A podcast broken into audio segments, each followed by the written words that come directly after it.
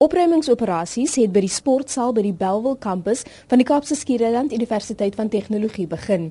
Die universiteit sê dat die opruiming die grootste deel van die week sal neem as gevolg van die omvang van die skade. Daar was 'n sterk polisie verteenwoordigheid by die universiteitskoshuise waar studente geweier het om die perseel te verlaat. Die eksamens by die Wellington kampus en die Wingfield militêre basis in Goodwood het sonder enige voorvalle begin.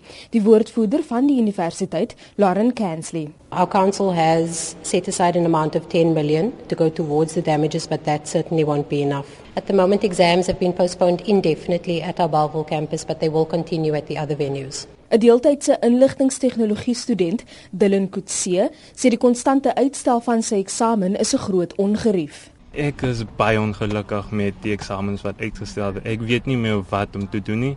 Ek is 'n deeltydse student ek moet heeltyd afvat by die werk om my eksamen te kom skryf wat 'n probleem is. Ek is net ek is totally hopeless. Ek weet nie meer wat om te sê en ek weet nie wat om te doen. Ek voel net eksamen moet uitgestel word tot volgende jaar. Ontevrede werkers by die Universiteit van Stellenbosch het geserveer asblikke op die kampus aan die brand gesteek en rommel in die strate gegooi.